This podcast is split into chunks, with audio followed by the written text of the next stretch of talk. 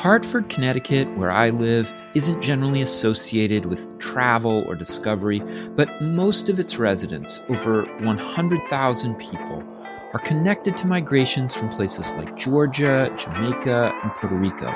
It is a city built by travelers.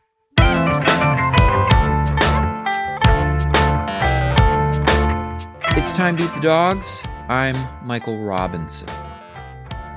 Today, Fiona Vernal talks about the travel experiences of Hartford's many communities. Vernal is an associate professor of history at the University of Connecticut, and she's the creator of the exhibition From Human Rights to Civil Rights African American, Puerto Rican, and West Indian Housing Struggles in Hartford County, Connecticut, 1940 to 2019, currently showing at the Hartford Public Library. Fiona Vernal, thank you so much for talking with me. Thank you for having me, Mike. I appreciate it. So for a lot of people I think Connecticut is this this kind of in-between place between Massachusetts and New York. The state itself seems to have a hard time trying to brand itself, whether revolutionary history or around here in Hartford, people talk a lot about Mark Twain or insurance companies. But this is not the way that you write about Connecticut and the story of the city of Hartford. I was wondering if you could just tell us what do you think that story is missing? I think that story is missing the story of migration and how many people in all of Connecticut's history have chosen to make this place home. And although I understand the brand of Connecticut still being revolutionary, I think a better brand for the state would be Connecticut as home because it talks about this affirmative choice, right? Of coming here and choosing to make this place home, whether you choose to make that place home just for the first generation, whether you become snowbirds later on. I think, especially given how many people are writing in the Hartford Courant about why they're leaving Connecticut, I think this is the kind of exhibition that can remind people that so many generations of people over and over again have actually chosen Connecticut as home, and it hasn't been a default decision, it's been an affirmative decision. They came, they had particular experiences here, and they were able to compare it to New York or to Boston or to going back home to the Caribbean, and they decided that Connecticut was a good place to stay, and that Hartford, in particular, and Hartford County were good places for them to raise their families here, to try to um, get a decent education here. And even when they had to struggle to do that, people still made an affirmative choice. Could you talk about the the different groups of people that came to Hartford. I mean, I think that one of the great narrative stories in the Northeast for the 20th century is the Great Migration of African American families out of the South. But I think we talk a lot less in American history about the other forms of migration of people coming into the region from other countries. So, you know the the great migration i think is a great conversation starter for african americans because when you look at the way that puerto ricans talk about coming here or even west indians they also talk about a great migration so i'm always pushing for us to talk about the great migrations plural and to use mm. that phrase as more capacious for talking about all of the different migratory trends especially at the turn of the, the 20th century that brought West Indians, Puerto Ricans, and, and brought African Americans here.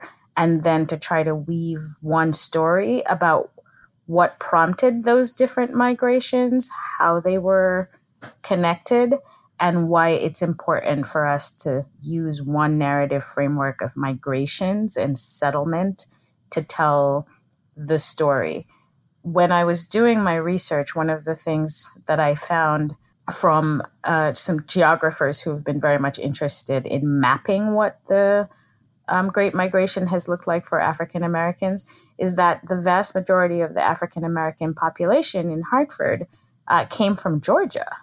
Probably one of the most stunning things that I found in my research because it really then prompts that question why Georgia? Why not South Carolina or Mississippi or Alabama or any of the other locales from which people were heading north and heading and heading west? And as you dig deeper, you find that the very same patterns that connected people. So everybody talks about chain migration, for example. Chain migration was very much a part of the patterns of the Great Migration, right? Someone from a particular family would come north, it would kind of be a reconnaissance trip. And if they were successful or if they found jobs, they would bring their friends, they would bring people from their hometown with them, and they would eventually bring their family members, and people would be connected in this kind of chain. And there's no other group, right, that has not experienced this. People like to go to a place where they can find a critical mass of other people like them who may come from their hometown and that they can reconnect to. And I think that's why some of the people who have chosen Connecticut as home and, and Hartford as home have actually been able to stay here because their migratory patterns were already connected in a chain. Mm.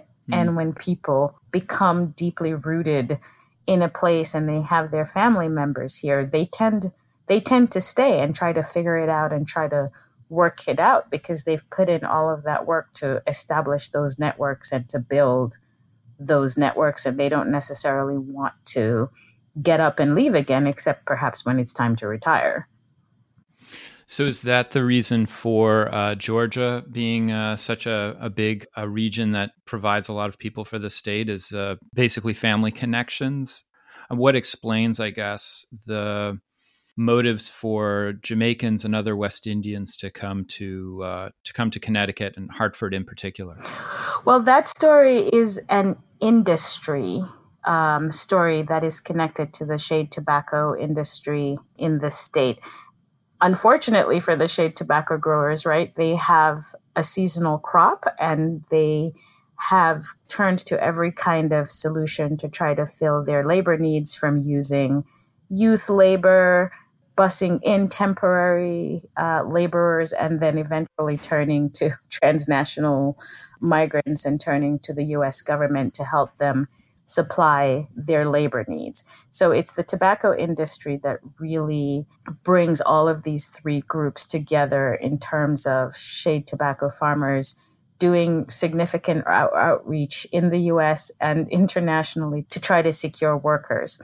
There is someone from Americus, Georgia, who had uh, connections to the industry. And so you'll find Americus, Georgia as one of the big sort of sending areas for migrants. The Shade Tobacco workers also teamed up with um, historically black colleges down south to bring um, young black men to Connecticut seasonally to work over the summer so that they could earn money, contribute their labor, and then go back home. So the tobacco growers have been accustomed to turning south for for men and women um, as workers for a very long time.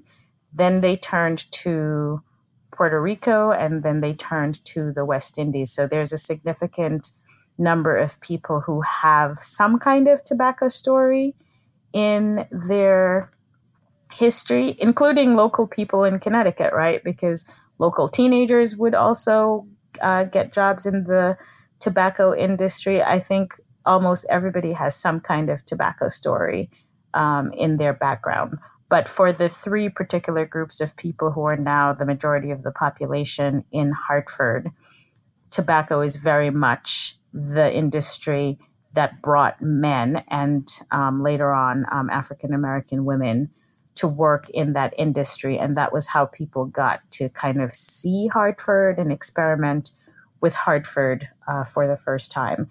And then, even when they ventured out and got other kinds of jobs, they brought their families with them, they brought their friends with them. People would come and visit and do a season uh, in tobacco because there is no shortage of jobs and you can make some quick money, even if it's not a lot of money, it is guaranteed money. One of the uh, people that you profile in your uh, exhibition on uh, West Indian communities is uh, Veronica Airy Wilson. And uh, she, you talk about how she came from Jamaica with her brothers and sisters as a child in 1962, but that she really wasn't prepared for what she experienced here in Hartford. Can you talk about her story and also something about the expectations that Jamaicans had who came here after the war? So, Veronica's story is interesting in the sense that her father, um, Narciso Airy, was the first family member to come here. So he's part of that generation of West Indian men who had an opportunity to come here and then eventually to settle in Hartford and then start that process of chain migration that brings family members here. And, you know, I often make a joke that I'm going to get rich by making an immigrant guidebook. we all come and we repeat the same mistake. No one says, oh, by the way, maybe it's not a good idea for you to come in the dead of winter. or maybe it's not a good idea for you to bring school age, school age children in April when school is almost over. But you're from the background of the family who's waiting on the visa and waiting to find out that they're going to the United States. All of that, just reason and rationality goes out the window because as soon as you get your visa, you know, within a few short weeks, you're on a plane because you're so excited to come to America. And no matter how many years your family has been here, they don't really remind you to pack properly. Veronica tells this interesting story about not only did her mother not know anything about fashion, you know, for young people, her mother didn't quite understand anything about layering and preparing for winter. So her mother's definition of making sure that they headed out of the house was just to put on more clothes on top of their clothes. and so, and she didn't care about whether they were wearing polka dots or stripes.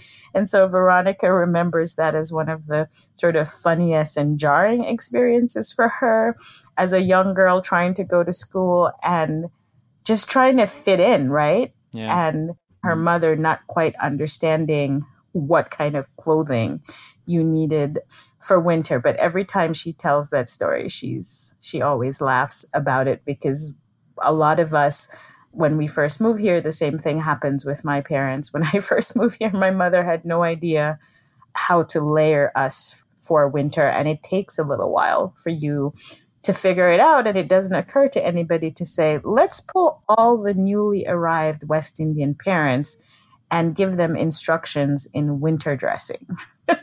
Your family is originally from Jamaica, is that correct? My family is originally uh, from Jamaica, and I moved to the U.S. when I was 12.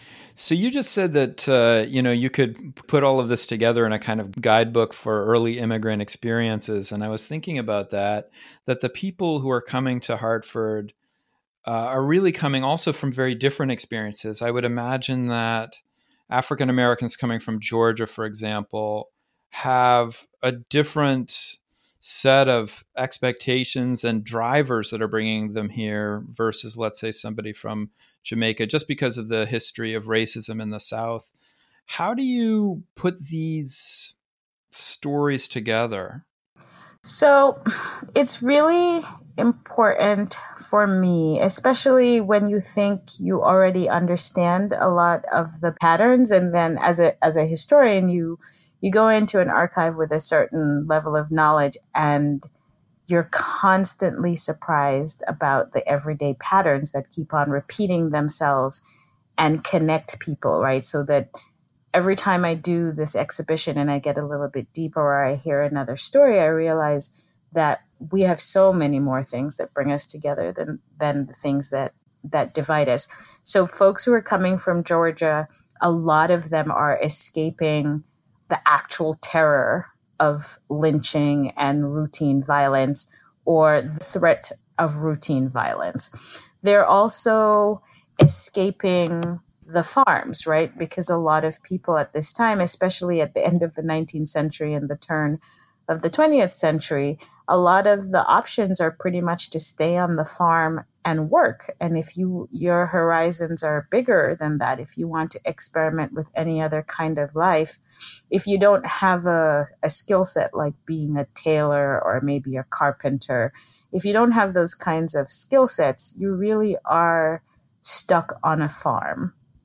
And so besides the threat of violence and actual violence that African Americans um, suffered in the South, a lot of people were coming here so that they could pursue other kind of economic opportunities. They wanted to be clerks, they wanted to be grocers, they wanted to be barbers and hairdressers. They wanted to experiment with other kinds of opportunities to see what they could accomplish. So those were some of the motivations. The same is true of the early um, West Indian migrants because they were coming specifically on a farm labor um, program in the 1940s. Mm. There are other big populations of West Indians that have settled in New York and that have settled in Florida. In fact, by the time West Indians start coming here, and there's just a handful of them in Connecticut, there's already over 50,000 West Indians who've made New York their home. And those folks are coming because they're interested in different kinds of jobs, they want an, an education, and the adventure and the curiosity of just traveling, because we are a traveling people, right? That's one that all human mm-hmm. beings have in common. We're deeply curious about the world. And whenever we get opportunities to, to leave home, a lot of us have chosen to do that. And I don't think that's something that that's not something that is well known as a as in terms of public knowledge about West Indians is that West Indians have been traveling quite a bit. They started doing it island hopping, going from one island to another island. So they started doing it within the Caribbean first and established this tradition of travel that is still going on today. So people are accustomed to leaving the rural areas for the cities, and then when they have an opportunity to go overseas, they might go to another island and then they will eventually maybe land in New York or Florida before they go to other locations. But people have been looking for ways to leave home and to experiment and employment and education have been the two biggest drivers, both for African Americans as well as uh, West Indians, as well as Puerto Ricans. I grew up in a small community in Jamaica, very rural. and there are several generations of men that I knew I knew coming up as a kid who would just routinely go to the US and travel back and forth. And they never intended to settle in the US. They intended to work seasonally and then pay for their children's education and build their homes and retire in Jamaica. And I know, you know, at least eight or nine men in my small community who've chosen who've chosen to do that. And I think for some African Americans, you know, it may have been more of a one-way ticket where they came they came north and they stayed they stayed north, but it was still employment that really pushed a lot of of people because they wanted to see what it was like to have a life outside of farming. One of your uh, one of the people you profile in your newest exhibition, which is uh, called "From Civil Rights to Human Rights: African Americans, Puerto Ricans, and West Indian Housing Struggles," uh, is a man named D. Dorman. I think you have an artifact from him and his travels to the states. He's one of these people that you were you were just talking about who returns to Jamaica. I was wondering if you could talk about his story. Right. So Donald Dorman um, came here like a lot of West Indian men, you know, at the invitation of the U.S. government, and he worked in Windsor, and then he also went off to Louisiana to work before he went back home to Jamaica. I met his daughter at the West Indian Social Club uh, in Hartford, which was established by the descendants, uh, actually established by these men, established by the farm workers who came here in the 1940s. And in the process of talking to her, you know, you find out that the second generation of West Indians to come here, almost every single one of them has a father or an uncle or other kind of um, connection to some of them who came here. And I decided to do a story about Mr. Dorman. Now, Mr. Dorman, unfortunately, was um, killed. He was robbed. He's one of these um, successful immigrants who goes back home, and unfortunately, his shop was robbed. But because of that, his family kept all of his items that he returned with in Jamaica. So they held on to his trunk that he traveled with as, you know, a memorial to him because he lost his his life when he was just too he was just too young. And so when I put this exhibition together, I realized that this was one of those pieces that instantly brings back memories for a lot of West Indians because they've seen these trunks. They've seen their uncles, their fathers, or their grandfathers bring home these trunks from the US. What the trunks had in them when they first came looks very different from what the trunks had when they came back, right? So when you're coming to the US, you're bringing your clothing with you that you anticipate needing, but you have no idea where you're going. You don't know if you're going to be in Windsor, you don't know if you're going to be in Louisiana, you don't know if you're going to be in Florida. So people try to pack their clothing to be to be appropriate for that weather. Nobody ever got it right. Hmm. when you're going home though, the things that you bring with you are things that people are expecting are expecting you to bring with you that kind of represents America. So people are bringing home clothing for their family members and toiletries for their family members. West Indians used to love the different kinds of soaps that were in mm. the US. So it's sort of interesting that this trunk on these two different legs of the trip, the trunk would have different things in it. So you also do work not only on immigrant populations that come to Hartford, but also on South African history, 19th century uh, South African history. And you look in particular at African converts to Christianity, as well as uh, their interactions with European settlers. I was wondering if there are any links between that work and the work that you're currently doing on Hartford.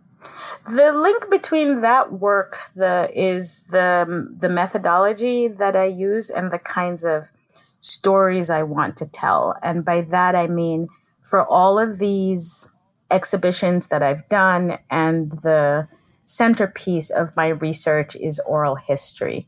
Mm. As we all know that when we are having a really difficult time with the archive when the archive doesn't speak, when the archive is silent about particular experiences. The only corrective to that is to try to figure out a way to recover and recuperate some of those voices.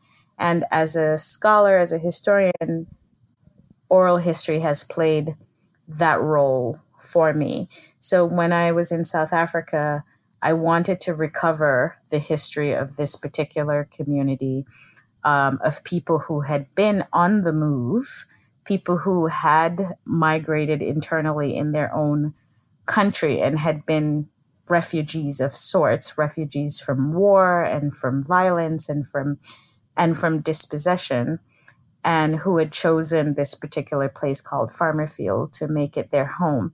And I interviewed the last generation of people to live at Farmerfield and also tried to recover as much as possible some of the experiences of their parents who had chosen to make Farmerfield home. So the common link between that research and this research is the broader theme of people on the move, migration, why they're moving, whether they have, you know, sort of those push factors and those pull factors that make people either victims sometimes. So in South Africa, land dispossession really turned people into paupers if they didn't have access to land. And then giving people an opportunity to try to be the author of that story as much as they possibly can so that I can use their voice and get as close to the source as possible. And so that's something that I've been duplicating in all of the research that I've done is to tell stories about people who have moved and why, and to try to use oral histories as a way to allow them to kind of help shape the narrative and connect us to their past. You know, when I think about your work, which relies upon oral histories, I've done a bit of oral history interviews myself.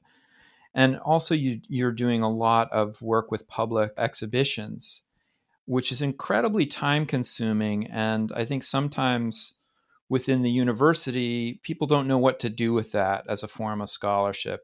Can you talk about that kind of work that is an interesting question because I would say that there is a not necessarily a renaissance, but when I first started at UConn in 2005, there wasn't a lot of space for what we would call public engagement. I did not necessarily feel like the environment was conducive to this kind of work because there was no way for them to count it for tenure and promotion in 2005. So I continued conducting oral histories and I continued thinking through the stories, but it felt like a hobby or it felt like a side project. It didn't feel like my main research yeah. agenda. Since then, so I've been at UConn for about 15 years, and since then, that landscape has very much um, shifted in terms of explicit support for this kind of work, especially the methodology, and then the kind of public deliverables, the kind of exhibitions that accompany it. But I don't think that we have resolved the issue of what that might look like for tenure and promotion because as a historian my department still wants books still wants articles and that those are the kinds of things that I still have to figure out how to deliver if I'm going to be promoted based on this particular research. Yeah, I think that that's a problem in many departments because there are a lot of people who are doing work uh, either on oral histories or public exhibitions or science communication, and it's. I think the university is still trying to figure out what to do with that.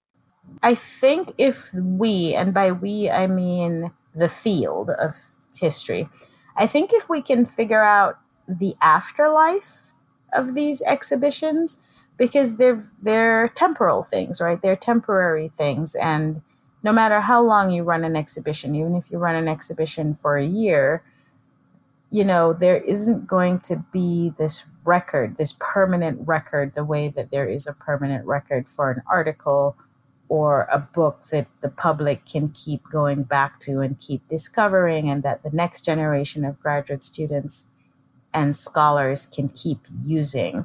So I think if we can figure out a way to innovate around that, around the impermanence of an exhibition, then the folks who make decisions about tenure and promotion, I think, we'll be more open to having that conversation because we'll be able to talk about the long term impact of that work. I didn't necessarily come up with this idea because of promotion and tenure, but one of the things that has happened with this exhibition is that as people continue to want to be in it, if someone misses this iteration of it, I realized that I have to keep on iterating and I have to keep yeah. on preparing the exhibition. But the only way to make it fresh and new is to continue to conduct the oral histories and continue to build new stories so that people will be motivated to come out and see what the new panels are. So they may yeah. know the narrative, but they might, you know, we might be doing something specific for Women's History Month and where we'll be highlighting the stories of women. So I think it's just an embedded problem in the field that that exhibitions are temporary, and um, and therefore the impact of them uh, is temporary. And because it's temporary, we should say that your latest exhibition is opening on the 29th of this month at the Hartford Public Library and will be running until the end of January 2020. Fiona Vernal, thank you so much for uh, taking the time to talk to me. Mike, thank you so much uh, for having me. I appreciate the opportunity. That's it for today. The music was composed by Zabrat. Make sure you check out the Time to Eat the Dogs website podcast links and other exploration related stuff. And if you get the chance, please take a minute to rate and review the show wherever you get your podcasts. It really helps make the show visible to new listeners. And if you want to recommend a guest or make a comment, feel free to contact me at time to eat the dogs, that's one word, lowercase, at gmail.com. See you next week.